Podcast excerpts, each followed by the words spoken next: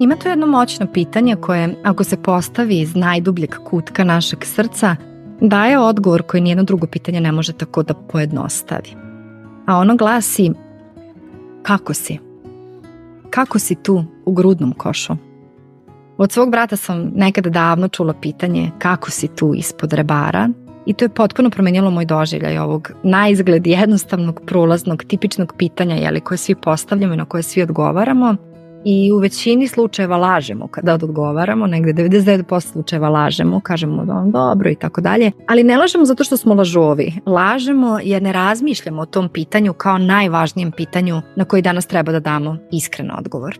U novembru prošle godine baš sam se istrošila onako na svim poljima. Preselili smo se, to je baš bio veliki životni preokret i poduhvat Moje dete je promenilo i vrtić, okruženje, drugare, dobio je svoju sobu. Sve to nekako u dva meseca. Umeđu vremenu sam ja počela da radim za novu firmu sa novim timom, znači novi ljudi. Pa ne samo što su komšije novi ljudi, već novi ljudi sa kojima radim, novi projekat, nova industrija. Muž je imao nekoliko vezanih poslovnih putovanja baš u isto vreme sa selitbom, nekako simultano. Sneg mi je pao suviše rano za moj ukus, dan se skratio, svetlo nestalo i ja sam nekako samo htela da se pokrijem i da spavam. I podelila sam jedno pismo, jedan od mojih newslettera baš je bio posvećen toj temi. Dobila sam dosta povratnih mailova, puno ste se zahvaljivali zapravo na iskrenosti, otvorenosti, važnosti ove teme, pa ste i predlagali da snimim jednu podcast epizodu baš o tome kako je tvoj biznis kada ti nisi dobro. Ja sam razmišljala o tome i shvatila sam da je mnogo važnije da pričamo kako si ti kada nisi dobro i ova epizoda će biti upravo posvećena tome. Dotaći ćemo se i biznisa, naravno, ali krenut ćemo od suštine. Dobrodošla u novu podcast epizodu. Danas pričamo o onim danima o kojim se ne priča. Kako si i kada nisi dobro i delim nekoliko najizgled zanemarljivih sitnica koje mene vraćaju sebi u danima kada nisam svoja. Ima jedno pitanje u mom dnevniku koji sam pronašla pre nekoliko godina i od kojeg mi suza krene na oko čim ga pročitam, a pitanje glasi Koja je tama došla pre svih tvojih svitanja? Novi dan se rađa u ponoć, u mraku, je li tako? Iako novi dan počinje u mraku, zašto se mi plašimo da koristimo svoju tamu za neke nove i bolje početke? Nekoliko stvari ima koje nas mrak može naučiti prvo da nema svetla ako nema mraka, ne možemo ni vidjeti to svetlo ako nema mraka, a da mrak sa druge strane ni ne postoji, već je mrak odsustvo svetlosti.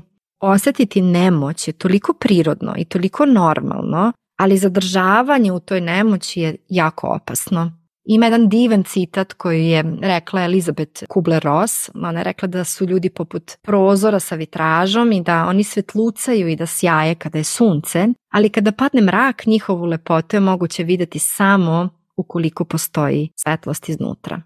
Koristiti svetlo samo za ono što je važno, a to su najčešće stvari koje su nam tu na dohvat ruke, I ovo je, ajde da kažem, jedna od prvih stvari na koje bih se ja fokusirala kada prolazim kroz svoju neku ličnu zimu i lični mrak. Mnogo mi pomaže da svoje svetlo navigiram na ovde i sada i da se fokusiram na ono što je ovde i sada važno. Često mi je to i izazov u životu, ali kome nije, prosto živimo i radimo u takvom svetu gde se sve plaća pažnjom i gde nam pažnja je li prosto i odnosi neko vreme Tako da te male stvari koje praktikujem u danima kada je mrak jeste najpre da se setim ovog pitanja, ovog citata i da upalim svetlo prvo u sebi kada se probudim pa tek onda u sobi i da preusmerim fokus na novi dan koji se rodio i još jednu priliku koja mi je data da živim. To mi je sasvim dovoljno da započnem dan zahvalna, bez obzira kako sam spavala, kvalitetno, nekvalitetno, dugo, malo, kratko, apsolutno mi je dovoljno da svoj dan počnem zahvalnošću. U knjizi Jay Shetty, ja ne znam koja od one njegove dve knjige, ali on priča kako je prva stvar koju je učio zapravo kao monah kada se pridružio manastiru jeste kako pravilno da diše. I to ga je učio neki dečak od jedva desetak godina, rekao mu je da je prva stvar koju zapravo iskusimo kada dođemo na ovaj svet taj udah, jeli? pa za njim ide izdah, pa ponovo udah, pa izdah, znači disanje. I poslednja stvar zapravo sa kojom napuštamo ovaj svet je taj poslednji izdah. I tokom celog života u tom među periodu i prostoru naše srce i naša pluća rade da nas održe u životu. Tako da ovo mi je isto jedna od stvari koja mi je sasvim dovoljna da se setim i da znam da je ovaj dan već dovoljno dobar jer moja pluća rade i moje srce kuca. Druga stvar koju praktikujem je svesnost kako jedem, pijem kafu, čaj, vodu, šta god ali da preusmerim, opet kažem svesno, znači potreba je neki trud za to, da preusmerim fokus na ukus, miris i celokupan doživljaj negovanja dobrim nutrijentima bez da koristim telefon, bez da listam knjigu, bez da gledam u kompjuter. Znači samo hrana i ja. Ono što me posebno ispunjava, neko sam inače ko voli da kuva, ali kad sam u svom ovom ličnom mraku i u zimi, onda ne volim ništa da radim. Ali zapravo ono što me ispunjava, jedno što pravim za sebe, jeste da se uvek potrudim da sebi serviram hranu. Znači kao kada bih otišla u neki luksuzni restoran, pa ono kad dobijete onaj oko veliki tanjir, pa kao nešto tamo naprskano u njemu, pa dekorisano, pa još stavlja neki cvet i tako dalje. Znači bukvalno sve da lepo vizualno izgleda za mene, a da je to meni od mene. Znači da sama tu spremim za sebe.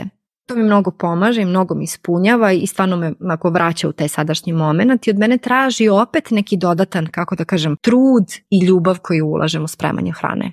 Treća stvar mi je monotasking, toplo preporučujem knjigu 12 monotaskova ili ti 12 monotasks, koja nije neko revolucionarno otkriće, ali može da bude revolucionarna promena kada se barem jedna stvar iz ove knjige primeni. Znači da bude jako velika promena u vašem životu kada jednu stvar iz ove knjige, a ima ih 12, primenite autor u knjizi objašnjava svoje motive zašto u stvari prešao sa multitaskinga na monotasking i on objašnjava da je to zapravo monotasking, da je to svesno preusmeravanje fokusa na jednu stvar koju smo započeli i do kraja je sproveli. Znači, prosto da nismo u među tom prostoru imali disperziju fokusa. Znači, započnemo jednu stvar i ne započinjemo drugu dok ovu ne završimo.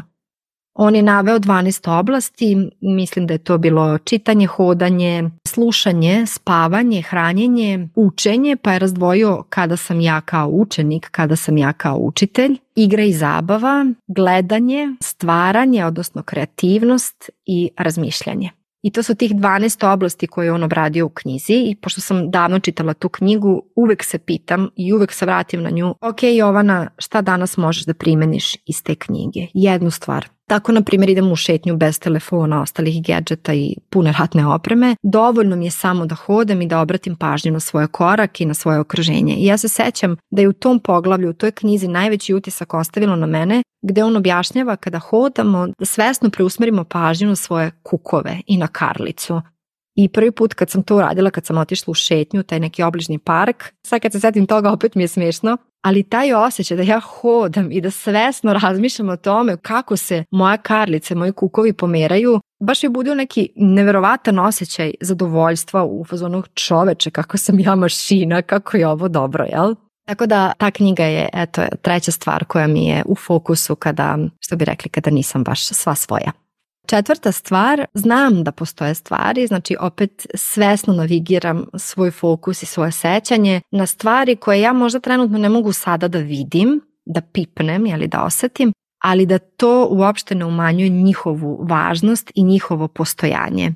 Prva i osnovna stvar mi je da samo osvestim to koliko moje ćelije sve rade timski sada da mene održe u životu, zdravlju i dobrom stanju.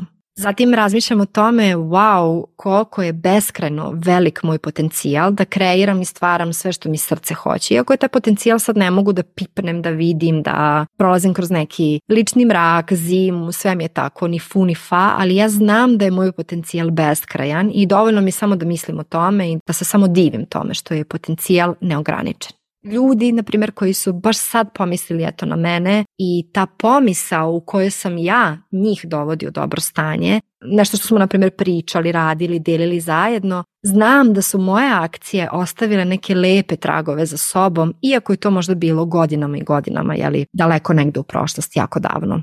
Naprimjer, tako navigiranje misli me baš onako čini da se osjećam dobro, da mi je lepo sa sobom, da sam zadovoljna sobom, ali da se prisjećam tih svih dobrih i lepih stvari koje možda ne mogu da pipnem i ne mogu sada te ljude, možda više sa njima nisam u kontaktu, ali da se setim šta smo radili, kako smo radili, da će baš to, zato što sam ja bila deo nekog projekta, neke akcije, nekog razgovora, nekog bitnog trenutka za nekog drugog, mene baš nekako centriraju i smiruju.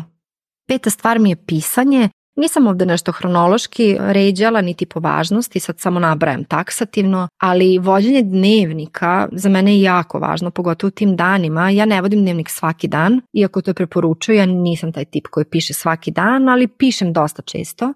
Ali kada sam u ovim, ajde da kažem, hladnim danima, pišem skoro svaki dan, malo po malo, šta god, jer se trudim da očistim svoj mentalni prostor i da upoznam sebe u nekom drugom svetlu. Znači, prosto sam svesna da sve što me muči treba da izbacim na papir, jer papir će da trpi ono što moja duša i moje srce sad ne mogu. Mnogo volim da umešam onda i slike, pa onda one, one selotepe, one šarene, pa da malo crtam, pa da malo bojim, pa da pretvorim to neko crtanje nekih oblika, popunjavanja nekih formi, bez pritiska da im dam neko logičko objašnjenje. To je onaj doodling, ono, možda ne znam da crtam neko super cveće i neke super ovaj, ne znam, ono, forme i oblike, ali šta god da nacrtam, to mi koja je super, malo mi se kreće ruka, malo razmišljam, tako da nije mi dnevnik samo ono kognitivno pisanje celovitih rečenica i sklapanje teksta, već ono intuitivno onako izbacivanje iz sebe u bilo kom obliku.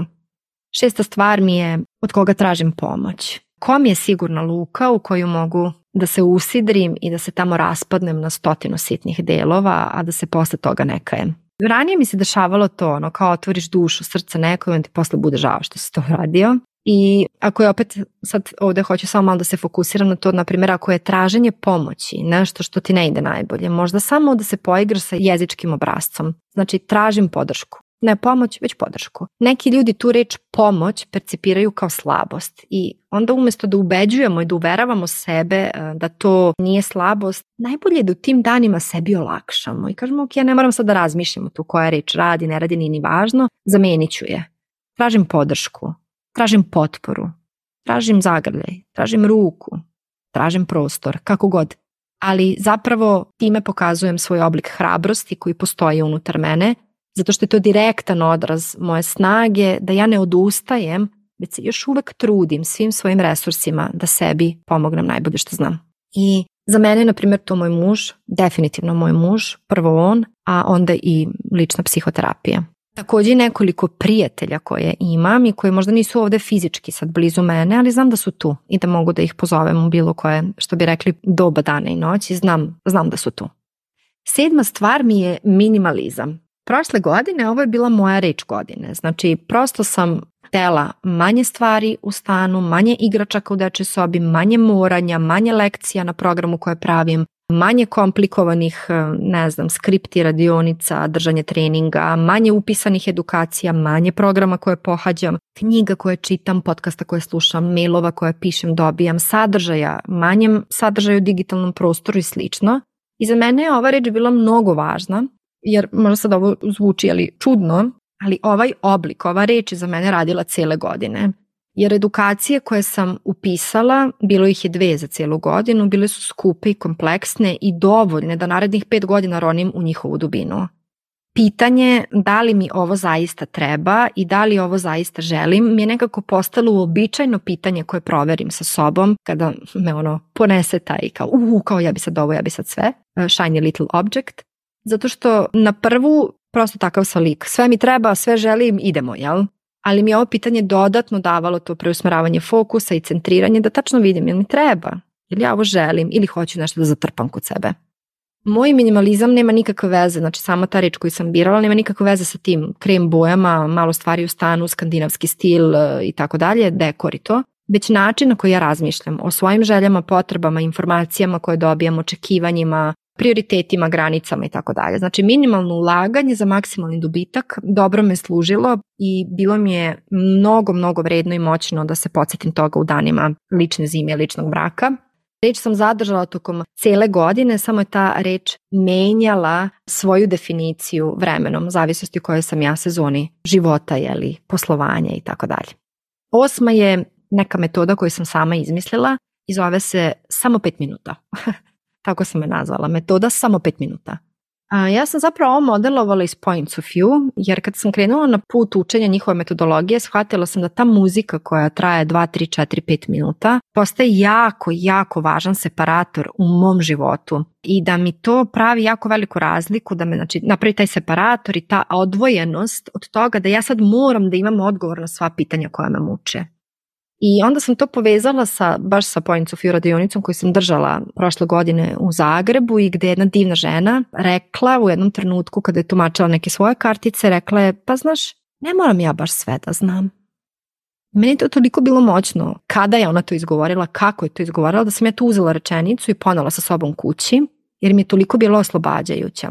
Tako da u trenucima kada mislim da ja moram da imam odgovor i rešenje sada za nešto, Ja se setim prvo ove devojke koja se uzgred zove Korana, Setim se tog separatora iz Points of View koji je uvek muzika i melodije koji mi je uvek dostupan.